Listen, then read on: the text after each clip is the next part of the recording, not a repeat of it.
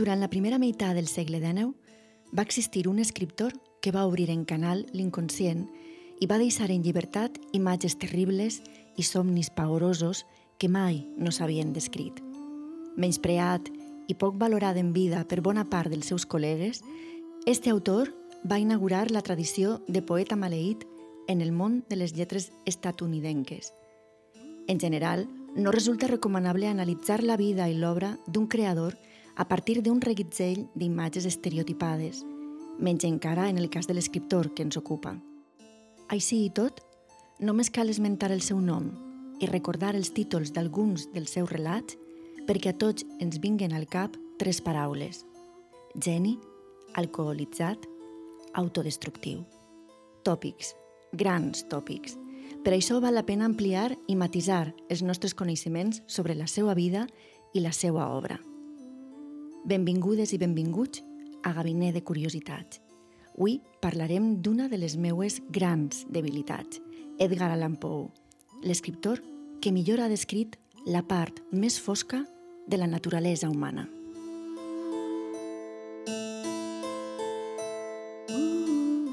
Gabinet de Curiositats amb Anna Moner.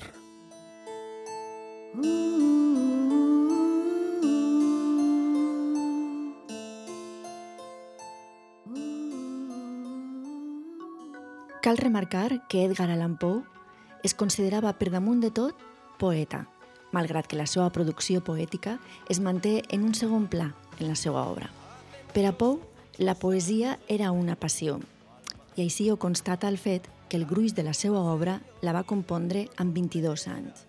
De fet, llevat d'alguns poemes dispersos entre l'escriptura del relat, no va tornar a exercir de poeta fins als quatre darrers anys de vida, quan l'èxit aconseguit amb la publicació del poema El Corp el va empentar a compondre altres obres mestres com Les campanes o Annabel Lee.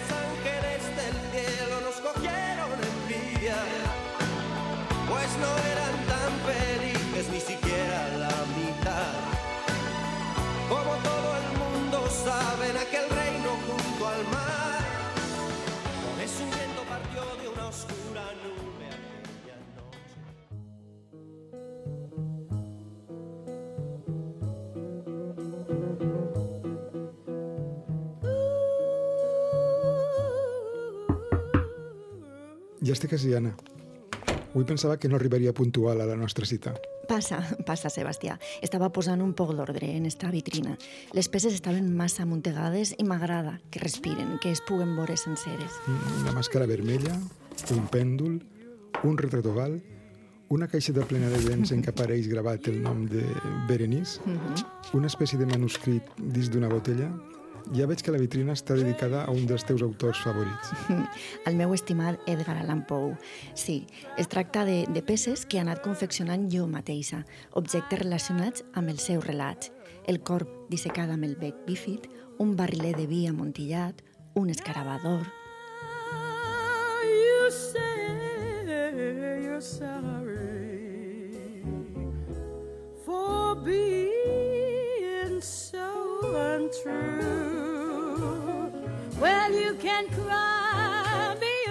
Roger Corman, Vincent Price i els relats de Poe.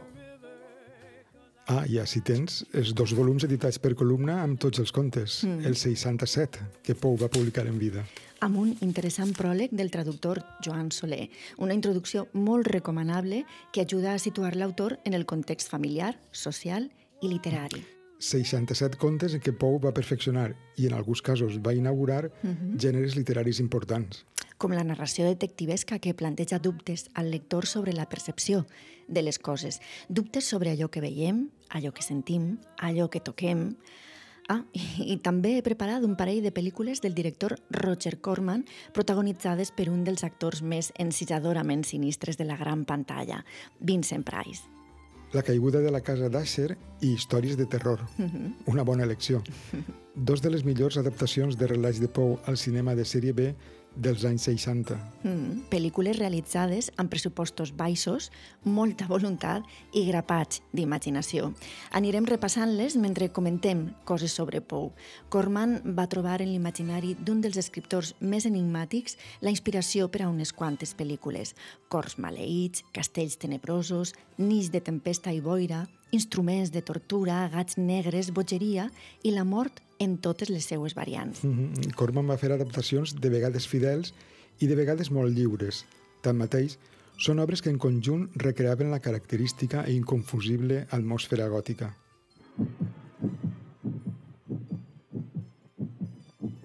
Este es el latido de un corazón humano.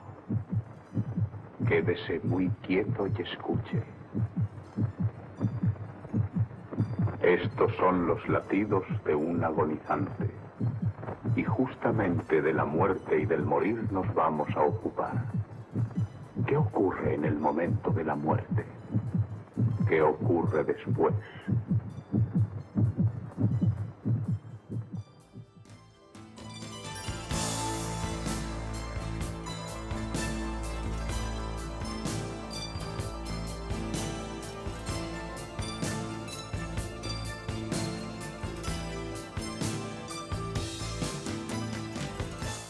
La pel·lícula Històries de terror, del 1962, dirigida per Corman i protagonitzada per Vincent Price i Peter Lorre, trobem tres relats de Pou. Morella, El gat negre i El cas Valdemar. Què et sembla si veiem alguns fragments per ambientar la nostra conversa? Mm -hmm. També podem repassar La caiguda de la casa d'Asher, mm -hmm. basada en el relat homònim de Pou. Perfecte. En el film, igual que en la producció literària de l'escriptor, es combinen una sèrie d'elements imprescindibles. L'atmosfera tètrica, el culte eròtic de la mort, l'embogiment o la pèrdua de la raó davant de l'horror.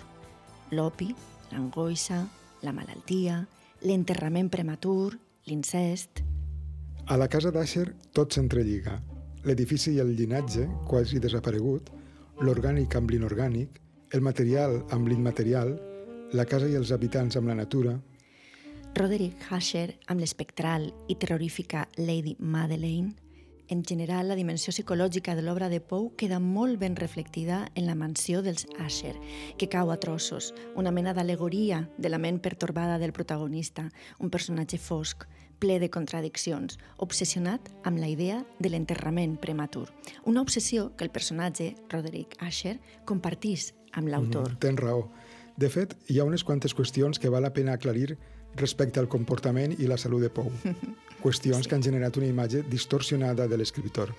Normalment s'insistís en que va tindre una vida tortuosa, marcada pel dolor. Un dolor crònic, producte d'un esperit melancòlic i depressiu que l'obligava a buscar refugi en el laudan i l'alcohol. No es coneixen les causes de la seva mort, un fet que amb el pas del temps ha anat alimentant el misteri. Segurament el seu cos i la seva ment, massa cansats per, per a continuar endavant, simplement van dir prou i es van rendir a l'enemic que l'assetjava des de l'adolescència, el delirium tremens. Pou vivia obsessionat per una oscura intuïció, la mort prematura.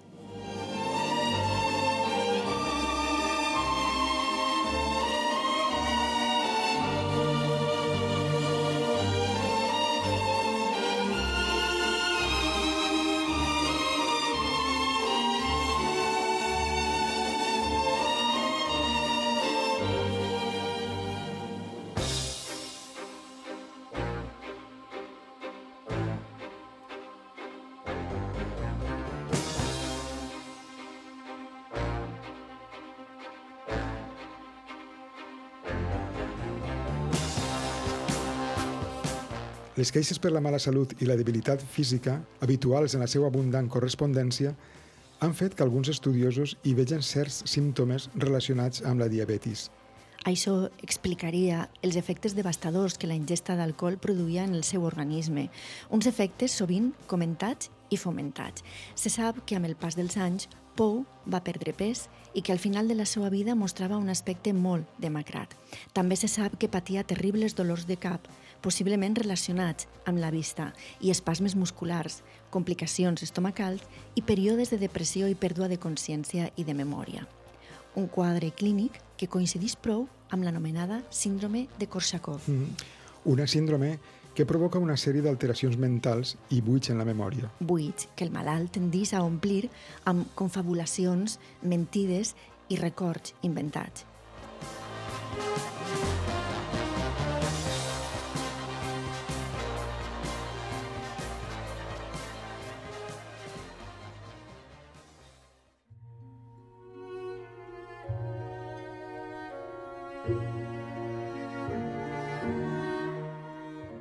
Infantesa i joventut d'Edgar Allan Poe. Edgar Allan Poe va néixer el 19 de gener del 1809 a Boston. Els seus pares, David, d'ascendència irlandesa, i Elizabeth, d'ascendència anglesa, eren actors i duien una vida itinerant. Mm. Mesos després del naixement d'Edgar, el pare, alcohòlic i, i poc delicat en les relacions personals, va abandonar Elizabeth i els seus tres fills, William, Rosalie i Edgar. Ella es va fer càrrec dels xiquets i tots quatre van voltar durant un temps pels principals centres del circuit teatral estadounidenc, Boston, Filadèlfia, Nova York, Baltimore i Richmond, entre altres. Elizabeth representava tot tipus de paper, des d'heroïnes shakespearianes fins a números de revista. S'hi havia d'adaptar, però tot va canviar dos anys després, quan Elizabeth va morir de tuberculosi i va deixar els tres fills orfes. Aleshores, Rosalie va ser adoptada per una família de Richmond, Henry es va quedar amb els avis materns i Edgar, de dos anys d'edat, va ser recollit per Frances, l'esposa de John Allan, un escocès dedicat al comerç de tabac i altres materials. Recollir és un terme ambigu, però prou ajustat al cas. Sí, prou ajustat al cas, perquè John Allan, que mai no va tindre una relació molt cordial amb Edgar, veia el xiquet com un caprici de dona estèril i mai no el va adoptar legalment. De fet, la relació entre Poe i el seu pare no adoptiu va anar deteriorant-se amb el temps i va tindre conseqüències indiscutibles per a l'escriptor. Mm, Els primers tres anys a Richmond va tindre influències capdals en la posterior obra de Poe. Els jocs a l'aire lliure, la proximitat a la mar inabastable i enigmàtica, i la troballa a la casa dels Allan de revistes literàries emmagatzemades, unes revistes que va devorar a una edat precoç i en les quals va descobrir les obres de poetes romàntics anglesos com Byron, Coleridge i Wordsworth, així com nombrosos relats d'aventures navals. Als 11 anys, Edgar destacava entre els seus companys per les seues facultats intel·lectuals i, a més, presentava una complexió física vigorosa que li permetia dur a terme certes gestes en natació i en l'esport en general. Es celebra el dia que va nedar 7 milles a contracorrent al riu James, seguit per una barca amb un professor. Per tant, no era un xiquet tímid i delicat que buscava refugi en la literatura. i va arribar el moment en què va començar a escriure inspirat pel seu primer gran amor. Hmm. Un amor platònic per la mare d'un company de jocs que va ser la destinatària del seu primer poema, titulat A Helen. Sí, Helen, una visió idealitzada i inassolible de l'amor que va perdurar en la vida i l'obra de l'autor. Més tard, amb 17 anys, Edgar va ingressar a la Universitat de Virgínia, la institució creada uns anys abans per Thomas Jefferson amb la intenció de formar les noves generacions dirigents. Els ideals espartans del fundador de la institució contrastaven amb la realitat del centre. Els malcriats fills de família rica estaven acostumats a una vida ociosa en què abundaven les apostes, els duels a pistola i tota mena d'excessos. Un ambient que Poe va retratar anys després en el relat titulat William Wilson. When you're lost in the rain in Juarez, when it's Easter time too. No pretenc tanmateix traçar el curs del meu baix llibertinatge a Eton, un llibertinatge que desafiava les lleis de la institució alhora que n'eludia la vigilància. Tres anys de follia transcorreguts sense profit m'havien inculcat hàbits de depravació.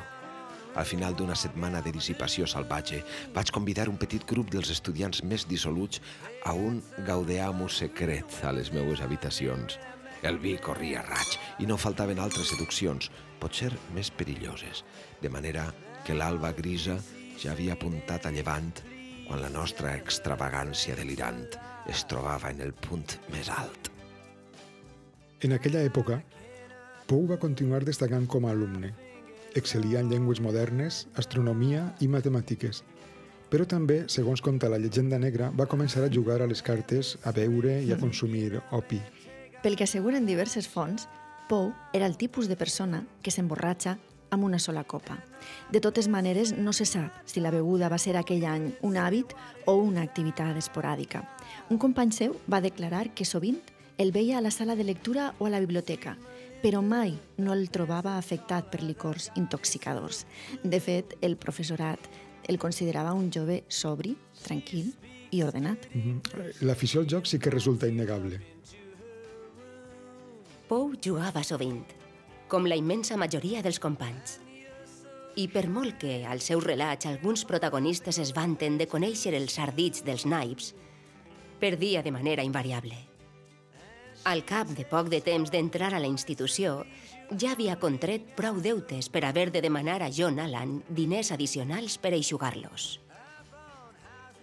Alan li'ls va negar, tot i les peticions reiterades, cosa que va deixar en mal lloc Edgar davant dels companys. Al final del primer curs, la situació era tan insostenible que el prometedor estudiant va haver d'abandonar la universitat per sempre. If you're to get silly, you better go back to from where you came.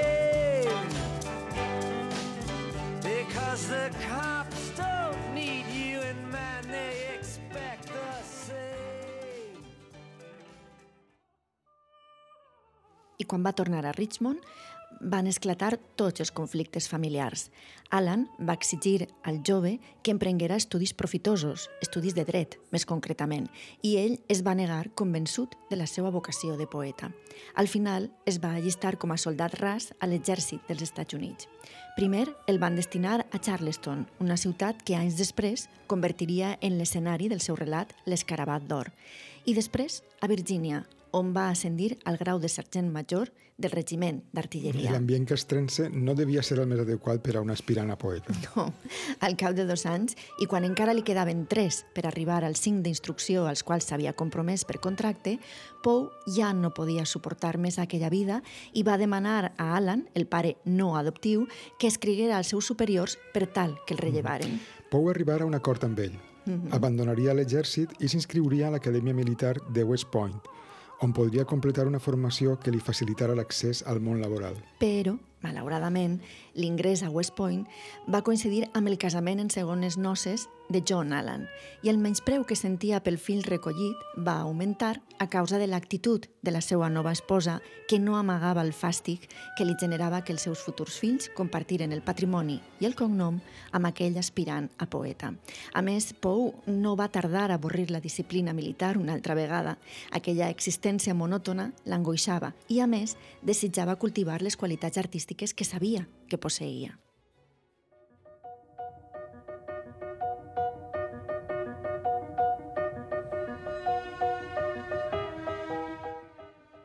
Per fi va resoldre abandonar el centre, cosa que no era precisament fàcil perquè havia fet el jurament protocolari de no eixir-ne fins a haver completat la formació. Calia fer-se expulsar. I com que era un alumne brillant que destacava en quasi totes les assignatures, no va tindre més remei que mostrar-se indisciplinat i deixar d'assistir a classes i oficis religiosos obligatoris. El març del 1831, vuit mesos després d'haver entrat al cos de West Point, Pou va ser expulsat i va haver d'enfrontar l'estranya situació de regressar a una llar, la dels nous Alan, on ningú el volia. Se li va negar l'escassa ajuda econòmica que demanava per començar a obrir-se camí al nord i se li va fer entendre, amb paraules molt explícites, que des d'aleshores se les hauria d'arreglar com poguera.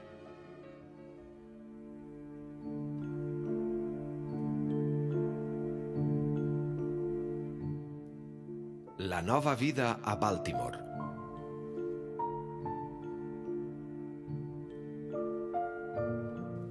Va ser llavors quan es va trencar la relació de Poe amb John Allan, un home immensament ric que el va desheretar. L'única opció que li restava era la de tornar a Baltimore, amb l'altra família, amb els avis materns. A Baltimore, Poe va trobar el seu germà Henry, greument malalt de, de tuberculosi, una tia, Miss Clem, i la seva filla Virginia.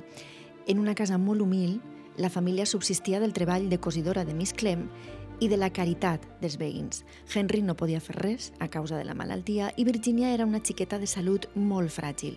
En aquest ambient de precarietat crònica, l'aspirant a poeta, que compartia habitació amb el germà moribund, va iniciar una sèrie de col·laboracions de subsistència per a diaris i revistes. I des de llavors es va dedicar a la prosa en perjudici de la poesia, que ell en un principi considerava el seu domini. En realitat, Pou va començar a escriure prosa i va renunciar temporalment a la poesia perquè els relats es podia vendre i els poemes no. Clar, així és, va canviar per una qüestió pràctica. Però també hi havia una causa de tipus psicològic. La seva manera de treballar l'escriptura poètica requeria una serenitat que Pou només coneixeria en períodes molt breus de la seva vida. La narrativa era més flexible. El 1833 s'hi va decidir i va presentar a un concurs organitzat per un periòdic de Baltimore el relat manuscrit trobat en una ampolla.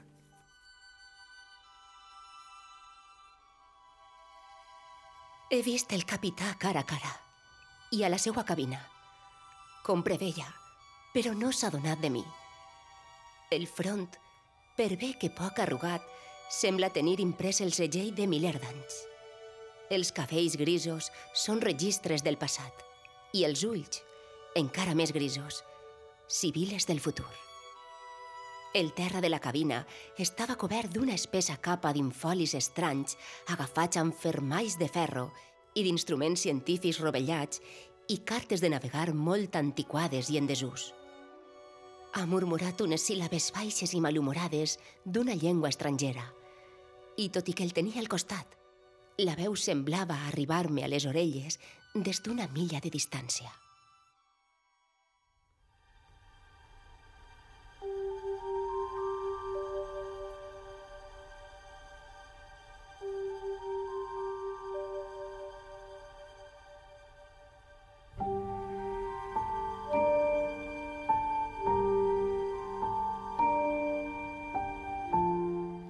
Pou va escriure manuscrit trobat en una ampolla, una obra mestra, als 24 anys. Mhm. I va guanyar un premi de 50 dòlars de l'època. A Sí. més, va conèixer un advocat i novel·lista, membre del jurat, que el va introduir en el món editorial. I gràcies a ell va aconseguir que el contractaren en una revista cultural de Richmond, un treball estable, el primer, a canvi d'un sou escàs, 10 dòlars mensuals. Els textos de tota mena que Pou hi publicava, ressenyes, crítiques, poemes i relats, van fer que l'interès per la revista augmentara considerablement, però pronte hi van aparèixer els problemes. Problemes de salut vinculats a l'hàbit de la beguda, un hàbit molt estès entre els companys de professió. També va recaure en el consum de l'audan, que llavors es feia servir amb finalitats terapèutiques i que solia derivar, en la major part dels casos, en una addicció. A més, a Richmond estava sol. Miss Clem i Virginia, les úniques persones de la família supervivents, s'havien quedat a Baltimore i Pou se sentia desemparat afectivament. I malgrat l'elevat nivell de les seues col·laboracions, Pou va ser acomiadat. Faltava el treball contínuament a conseqüència de les devastadores ressaques que patia. Tanmateix, els propietaris de la revista li van donar una altra oportunitat i Pou va portar a Richmond la bondadosa Miss Clem i Virginia, la seva cosina, amb la qual es va casar. Ella tenia 13 anys i ell 27. Mm, S'ha especulat molt sobre el matrimoni de Pou i Virginia. Sí, sí. En aquella època els matrimonis amb menors d'edat eren prou habituals i en el cas de Pou, la inseguretat afectiva i la necessitat de protecció estaven per damunt d'altres necessitats més físiques. La innocència de Virginia i el caràcter maternal de Miss Clem eren el millor bàlsam per a un home que coneixia bé el rebuig dels altres, un home molt feble psicològicament. La resta no interessa, perquè només són especulacions. Tens raó. Centrem-nos en el seu treball, un treball d'èxit. Durant sí. els dos anys que va col·laborar en la revista Messenger, la publicació va passar dels 500 subscriptors amb què comptava als 2.500. I una altra revista, la Barton's Gentlemans, va passar dels 5.000 als 40.000 subscriptors. Però Pou sempre va aspirar a fundar la seva pròpia revista. Fins i tot tenia pensat el nom, The Pen Magazine. En una ocasió va estar a punt d'obtindre finançament per part d'un admirador ric, però una crisi depressiva el va empènyer a consumir massa alcohol el dia que havia de signar l'acord. Es va presentar a la cita en un estat lamentable i l'inversor s'ho va repensar. períodes de depressió que no controlava i que apareixien en els moments més decisius. Llavors, el 1837, va abandonar Richmond i es va traslladar junt amb Virginia i Miss Clem a Nova York, el principal nucli del sector editorial dels Estats Units en aquell moment. i ho va fer amb l'esperança de trobar nous editors per als seus relats i unes millors perspectives econòmiques. La seva fama havia transcendit els cercles editorials del sud, però va arribar a Nova York en plena crisi econòmica i no se li va obrir cap porta. Evidentment, Poe no tenia sort. Així i tot, va aprofitar per escriure una nova sèrie de contes. Ligeia i la caiguda de la casa d'Asher pertanyen a este període.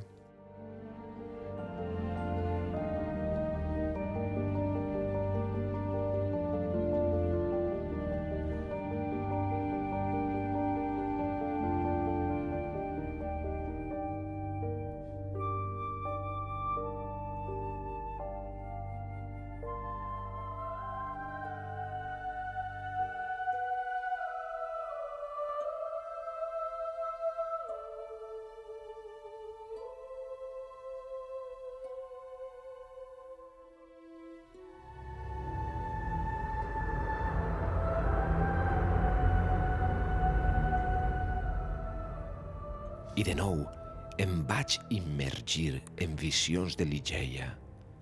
S'havia escoltat d'aquella nit espantosa i la que havia estat morta va bellugar-se un colp més, amb més vigor que abans. Repetisc que el cadàver es va bellugar amb més vigor que abans. Els colors de la vida van aparèixer al rostre amb força desconeguda, els membres es van relaxar, i si no fos perquè les parpelles continuaven molt premudes i que les venes i la roba mortuòria mantenien l'aspecte sepulcral del cos, podria haver somiat que s'alliberava plenament de les cadenes de la mort. Però si no ho vaig acceptar del tot, ni tan sols en aquell moment, els dubtes es van esvair quan, després d'alçar-se del llit, vacilant amb passes insegures, la cosa amortallada va avançar resoltament, innegablement, cap al centre de l'estança.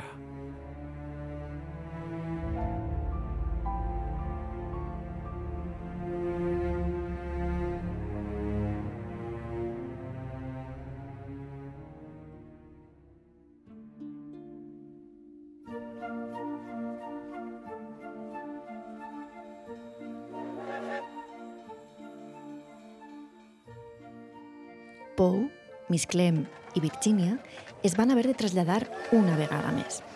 En esta ocasió, la manca d'oportunitats a Nova York els va conduir a Filadèlfia. Aquell any, el 1839, va aparèixer en dos volums una de les dues edicions de seus contes que va veure en vida, una col·lecció que l'erigia en un dels escriptors més dotats del seu temps, una publicació que només li va reportar 50 exemplars gratuïts, ni un dòlar, ni un miserable centau, ni un sol contacte que li proporcionara un treball estable i ben pagat. I el 1841 va començar a dirigir la Graham's Magazine i va iniciar un període de gran fecunditat creadora i molta activitat laboral. Sí, va ser un període calm en el qual no va mostrar episodis depressius, un període molt productiu. Durant la direcció de Poe, la revista es va convertir en la de més tirada dels Estats Units. I precisament a la Graham's Magazine hi va aparèixer Els assassinats del carrer Morgue, el primer relat de detectius modern.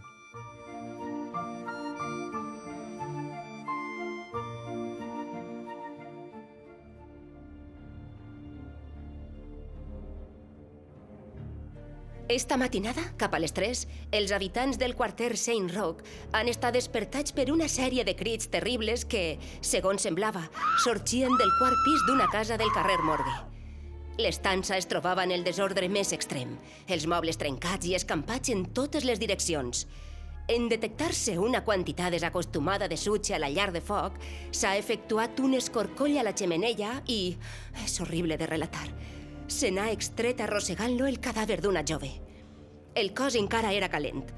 A la cara tenia moltes esgarrapades profundes i a la gola contusions fosques i empremtes fondes d'ungles, com si la difunta haguera estat escanyada fins a morir.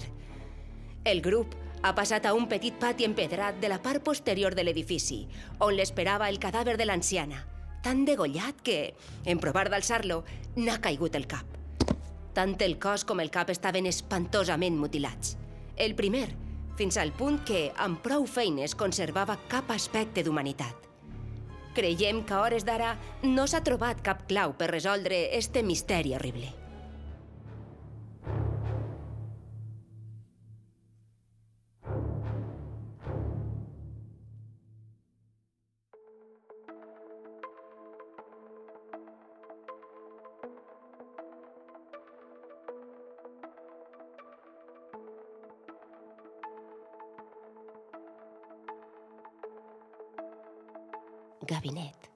De curiositats.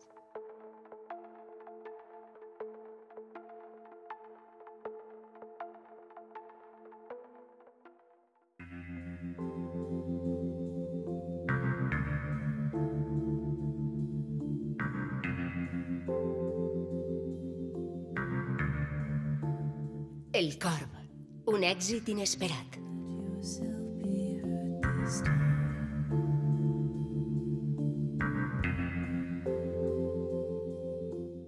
Com veiem, Pou va canviar contínuament de casa, de ciutat i de lloc de treball. Una inestabilitat que feia augmentar els problemes emocionals. El 1845 va assumir la direcció del Broadway Journal de, de Nova York, una revista de la qual va esdevindre propietari únic. Tanmateix, la publicació arrossegava molts deutes que no van parar de créixer tot i els esforços de Pou. El Broadway Journal sobreviuria fins al gener de l'any següent. Va haver de tancar-lo a la força, una Sí. llàstima. Desapareixien així els seus somnis de dirigir una revista digna. I va ser llavors quan va publicar El Corb, el poema més famós de tots els que va escriure. Un poema que va tindre un ressò inesperat. Així i tot, com ja era habitual, la fama i la glòria no van anar acompanyades d'una quantitat de diners digna.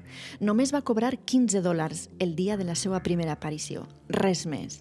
El corp va aparèixer per primera vegada el gener del 1845 al New York Evening Mirror i com a conseqüència de la gran acollida dels lectors, de seguida s'hi van interessar un gran nombre de revistes literàries. Sí, el corp destil·la un encant irresistible.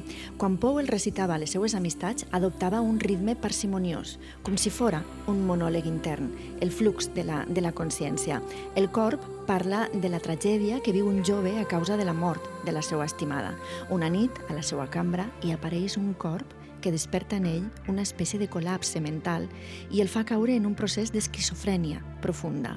El poema es pot analitzar com un estudi psicològic detallat d'una ment lúcida que assistís amb horror a l'espectacle de la seva desintegració. Una interpretació que s'adaptaria perfectament al gros de l'obra de Pou, que va ser un dels pioners en l'arriscada empresa d'explorar els racons més amagats de la ment humana. Profeta, cosa execrable, tant si és ocell com diable. Digues pels cels que ens cobreixen pel nostre Déu, si després aquesta ànima afligida abraçarà en l'altra vida l'estimada beneïda que entre els àngels viu només, la radiant Leonora que entre els àngels viu només. Va respondre el corp, mai més. Ocell o diable, sigui aquest el mot que ens deslligui, vaig vociferar. L'oratge espera el teu fosc regrés. No deixis cap ploma engatge del teu enganyós llenguatge. Deixa'm sol al meu estatge. Deixa el bust del meu recés. El cor del teu bec, deslliura'm. Deixa el bust del meu recés. Va respondre el corb. Mai més. I el corb de mi no es separa. Seu encara, seu encara sobre el pàl·lid bust de pales del portal del meu recés. Veig als seus ulls l'aparença d'un diable en somnolença. El llum la seva ombra llença sobre el sol ara i adés, i de l'ombra la meva ànima que hi tremola ara i adés. No es podrà aixecar. Mai més.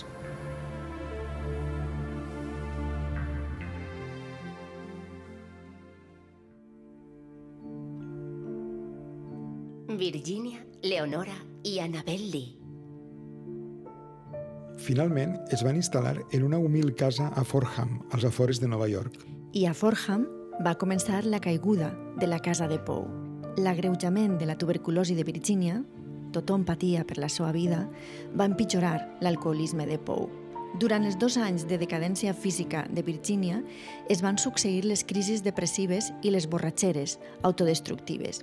En una carta, l'escriptor es lamentava que els coneguts pensaren que la bogeria derivava de la beguda, quan en realitat era el contrari. La beguda era una conseqüència de la bogeria. Virginia va morir el 30 de juny del 1847. En l'enterrament, Poe duia la capa de cadet de l'època de West Point que havia servit per tapar l'esposa al seu llit de mort prematura. D'ençà d'aquell dia, es pot dir que Poe ja no va viure, sinó que va sobreviure. Els trastorns mentals, els trets neuròtics, els rampeigs agressius van imperar en els seus dos darrers anys de vida. Virginia va morir el 1845 als 23 anys, un fet que marcaria el viatge sense retorn de Poe cap a l'infern de l'alcohol i la droga. Per a evadir-se dels problemes econòmics i del dolor insuportable de la pèrdua de Virginia, consumia grans quantitats de laudan i ginebra. Se sap que Virginia Poe Clem va ser la inspiració de relats com Eleonora i del poema Annabel Lee. Sí, Eleonora és la versió idealitzada del tema de la mort d'una dona vella. Hmm. Es tracta d'una història de felicitat perduda en què molts han percebut una traslació al pla literari de la relació entre Poe i Virginia, una declaració d'amor etern per part de, de l'escriptor. D'altra banda, Annabel Lee és una donzella, una jove morta, un amor que va provocar l'enveja dels àngels, que es van endur per sempre la vella Annabel Lee.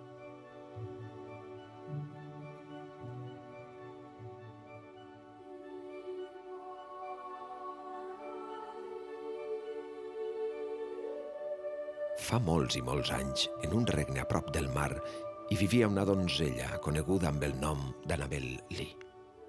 I aquesta donzella no vivia amb un altre pensament que no fos estimar i ser estimada per mi. Però el nostre amor era molt més que l'amor dels que eren més grans que nosaltres i més savis.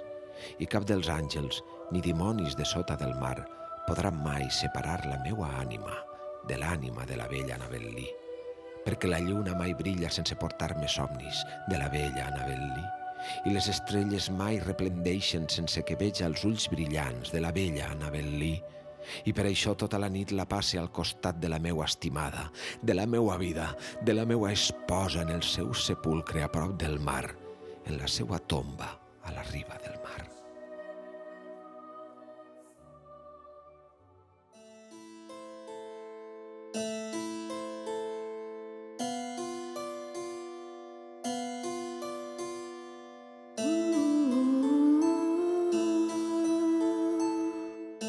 Gabinet de Curiositats.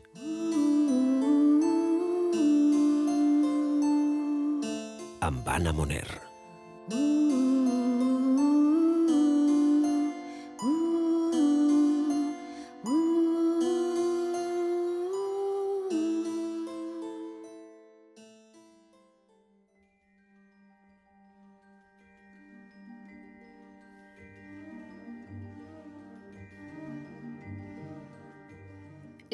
Mort d'Edgar Allan Poe.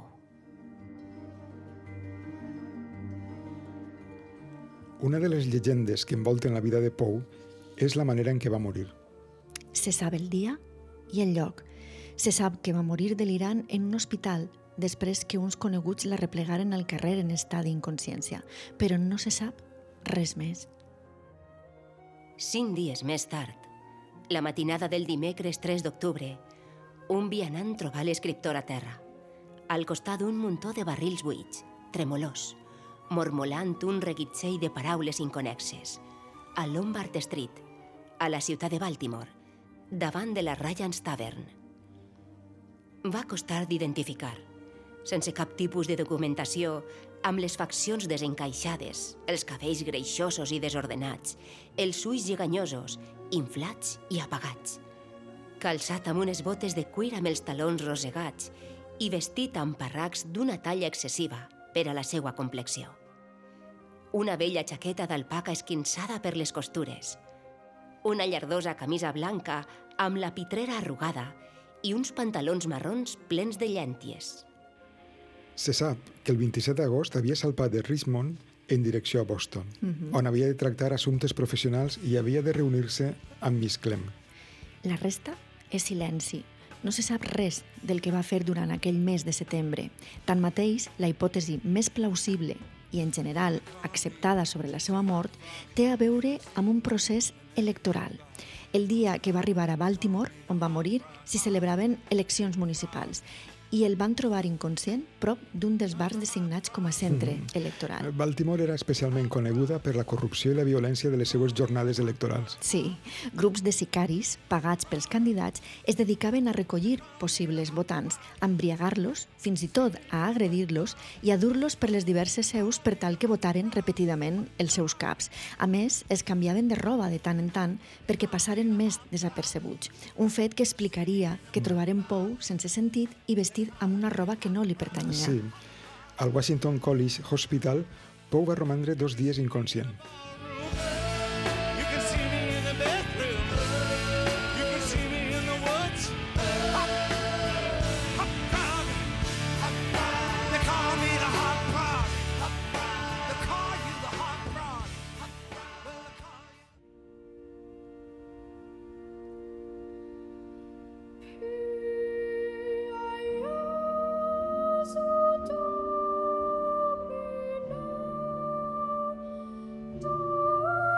Després de 48 hores de convalescència solitària entre aquelles quatre parets, exhaust i consumit pel deliri, l'escriptor cregué escoltar enmig de l'atmosfera tèrbola que li embolicava els sentits la veu melosa de Virginia, la lluminosa i feble criatura que l'havia abandonat per sempre a penes dos anys abans.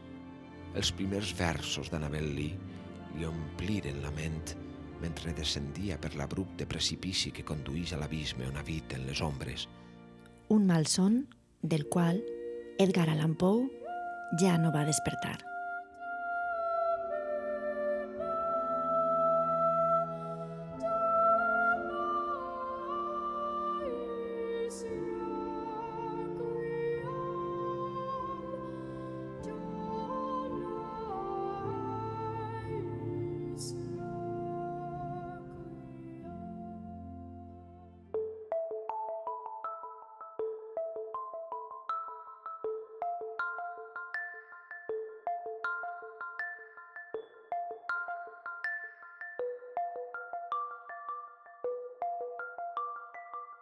Gabinet de curiositats.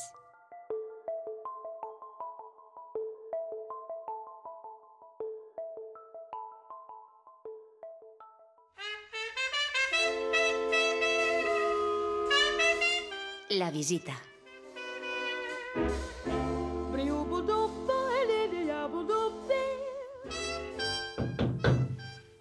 Es pot passar?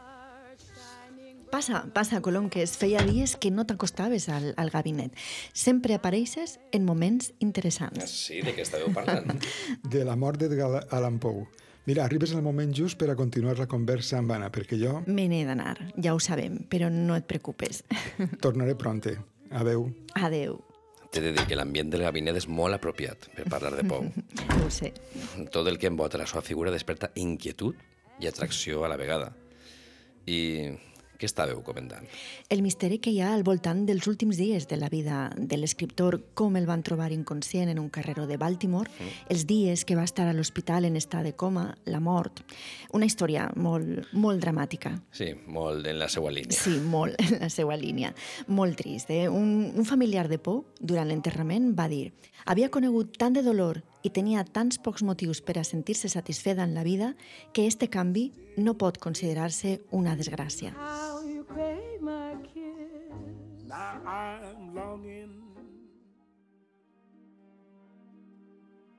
L'endemà, dilluns 8 d'octubre, la campana de la solitària torre de l'església presbiteriana de Westminster, situada a la cruïlla dels carrers Fayette i Green de Baltimore, tocava a morts a les 4 d'una vesprada cendrosa. En un racó oblidat, envoltat de làpides de pedra disperses, clavades a terra, amb els noms i les dates erosionades i recobertes de molsa, davant d'un senzill taú de fusta, al qual li faltaven les anses, es reunien aquella vesprada nou persones. Henry Herring i Nelson Poe, dos familiars que pagaren el fèretre de caoba barata i el breu trajecte del cotxe fúnebre. L'esposa del doctor Joseph Moran, que va aportar el sudari. Snodgrass, un advocat de la ciutat, antic company de la Universitat de Virgínia. Collins Lee, Elizabeth Herving i el seu marit, i Joseph Clark, un amic d'infància. El pare Clem, cosí de Virgínia, fou l'encarregat d'oficiar el funeral, una cerimònia curta que apenes va durar tres minuts.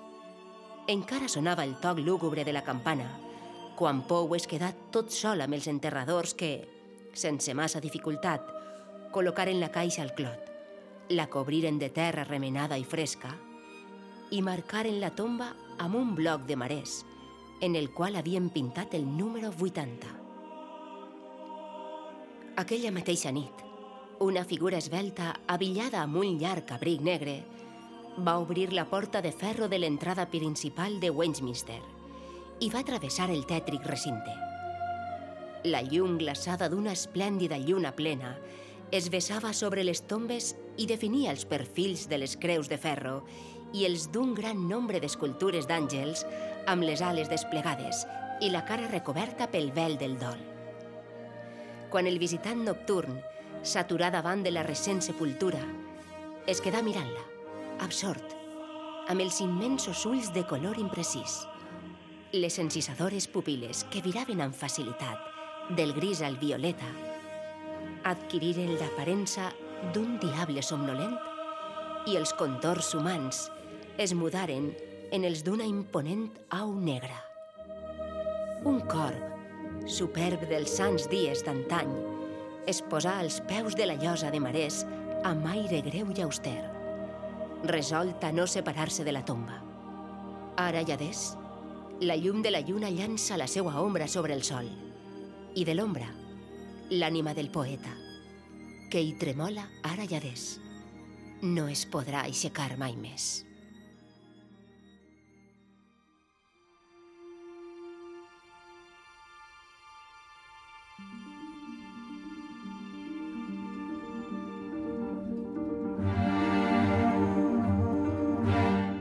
Venjança literària de Rufus Wilmot Griswold. El 1850, dos anys després de la seva mort, van aparèixer els dos primers volums de l'obra completa d'Edgar Allan Poe. El primer contenia un prefaci de Maria Clem, la tia i sogra i àngel protector de l'escriptor, en què declarava que l'edició s'havia fet per tal que li reportara els beneficis i que Poe, poc abans de morir, havia deixat d'encarregar de l'edició a un tal Rufus Griswold. Almenys la publicació pòstuma del seu relat generaria algun benefici a la família. No, no era tan senzill. Miss Clem no va veure ni un centau dels beneficis. A més, Poe no havia encarregat l'edició de la seva obra a ningú. I qui era este personatge? Griswold era un poeta mediocre que es dedicava a publicar antologies, un rancuniós que, a conseqüència d'una ressenya de Poe en què el censurava, va nodrir un fort ressentiment cap a un escriptor infinitament superior a ell. Mai no el va perdonar. I va esperar el moment de venjar-se'n. Sí, exacte. L'octubre del mateix any va publicar el tercer volum de les obres completes amb una infame i difamadora biografia de Poe escrita per ell mateix i va introduir subtils indirectes sobre múltiples tares morals de Poe. A més, va exagerar les desgràcies i va manipular el contingut de la seva correspondència incorporant-hi peticions de diners, insults a altres escriptors i exhibicions deplorables d'autocompassió. Vaja, que es va dedicar a embrutar la figura de Poe. completament. De la biografia de Griswold van sorgir molts dels pecats de Poe que han arribat a l'actualitat i que han tergiversat la seva imatge.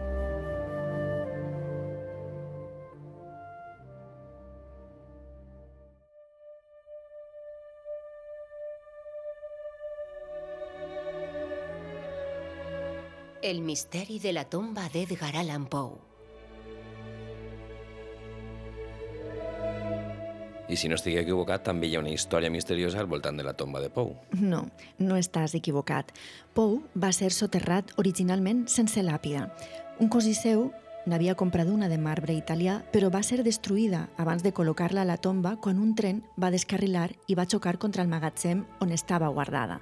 Per això, la sepultura només es va marcar amb un senzill bloc de marès amb el número 80. Fins i tot després de mort, continuaven ocorrent coses estranyes. Molt estranyes i curioses. Ara veuràs. El 1873, el poeta Hamilton Hayne va visitar la tomba i va publicar un article en què suggeria que s'erigira un monument funerari més digne per a un escriptor de la categoria de Poe. Nombroses persones de Baltimore i d'arreu dels Estats Units van contribuir-hi amb els seus donatius i el nou monument, que incloïa un medalló amb l'efígie de l'autor, va costar 1.500 dòlars. I suposa que van fer un acte especial. Mm -hmm. Dos anys després, les seues restes mortals es van traslladar a la nova sepultura i posteriorment les despulles de Virgínia i les de Miss Clem també van ser soterrades al mateix lloc. I en què consistia el misteri relacionat amb la seva tomba? Tot va començar quasi 80 anys després de la seva mort. En la dècada de 1930, quan, segons diferents testimonis, es va veure una enigmàtica figura vestida de negre i amb un mocador blanc al coll, un bastó amb manec de plata i un barret d'ala ampla que visitava la sepultura de Pou cada 19 de gener, coincidint amb la seva data de naixement. Pel que sembla, aprofitant la foscor de la nit, l'individu visitava la tomba i després de brindar a la salut de l'autor, hi deixava tres roses i una ampolla de conyac mig buida. Potser les tres roses eren en honor a Pou, Virgínia i Maria Clem. Mm -hmm, pot ser. No ho sabem. El que sí que sabem és que durant molts anys el desconegut visitant ha col·locat puntualment, junt amb les roses i el conyac, algunes notes d'interpretació incerta.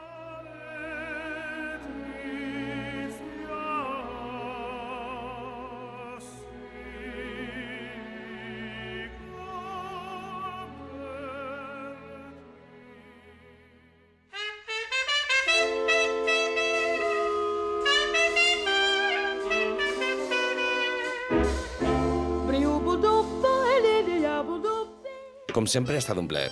De tant en tant m'ha vegis vindre a visitar-te. Mm -hmm. Ja t'he dit que el teu gabinet de curiositats em sembla un lloc estranyament acollidor.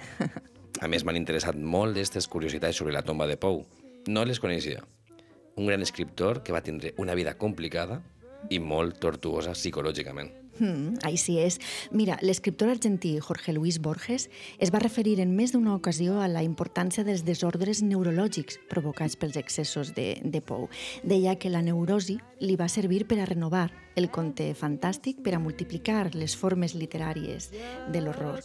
També va assegurar que l'escriptor va sacrificar la vida per l'obra, el destí mortal per un destí pòstum, i que sense la neurosi, l'alcohol, la pobresa i la soledat irreparable, no existiria l'obra de Pou. Una llàstima. Una llàstima. Pensava que l'autor estatunidenc va crear un món imaginari per tal d'eludir el món real. Va dir una frase molt bonica per tal de concloure la nostra conversa sobre Edgar Allan Poe. Va dir, el món que va somiar Poe perdurarà. L'altre, el món real, és quasi un somni. Ens acomodem amb un poc de música? Sí. Tinc la cançó perfecta. A més, sé que tens debilitat per ella. Crec que, que ja sé per on vas. Et diré que vaig descobrir Pou gràcies a esta cançó Mm -hmm. i recorde quan vaig veure el videoclip de Ràdio Sí. Futura a la bola de cristal l'any 87. Estem parlant d'Anabel Lee, però la versió que t'he dut és Santiago Serón amb l'original Jazz Orquestra del Taller de Músics de Barcelona, el disc Canciones de Santiago Serón.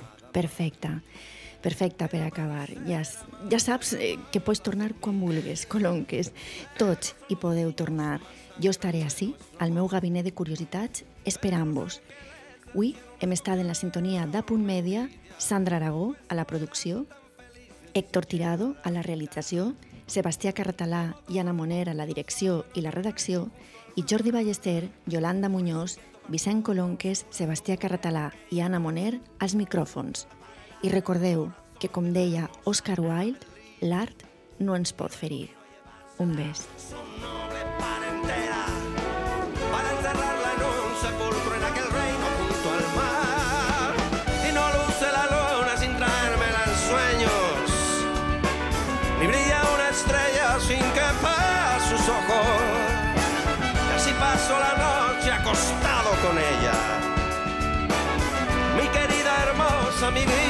vida,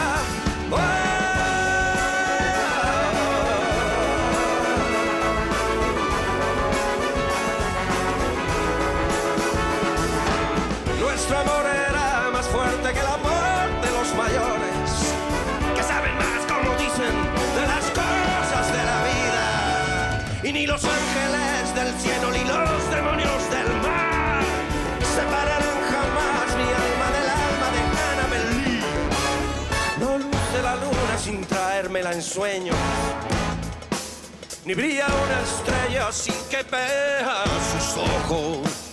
Y así paso la noche acostado con ella. Mi querida, hermosa, mi vida, mi esposa. En aquel sepulcro junto al mar.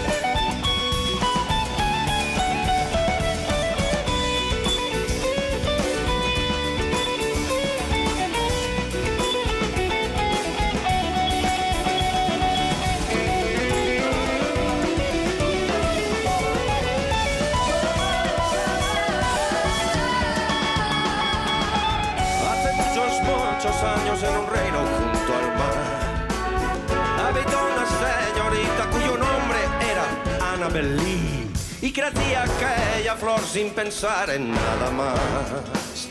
Que en amar y ser amada, ser amada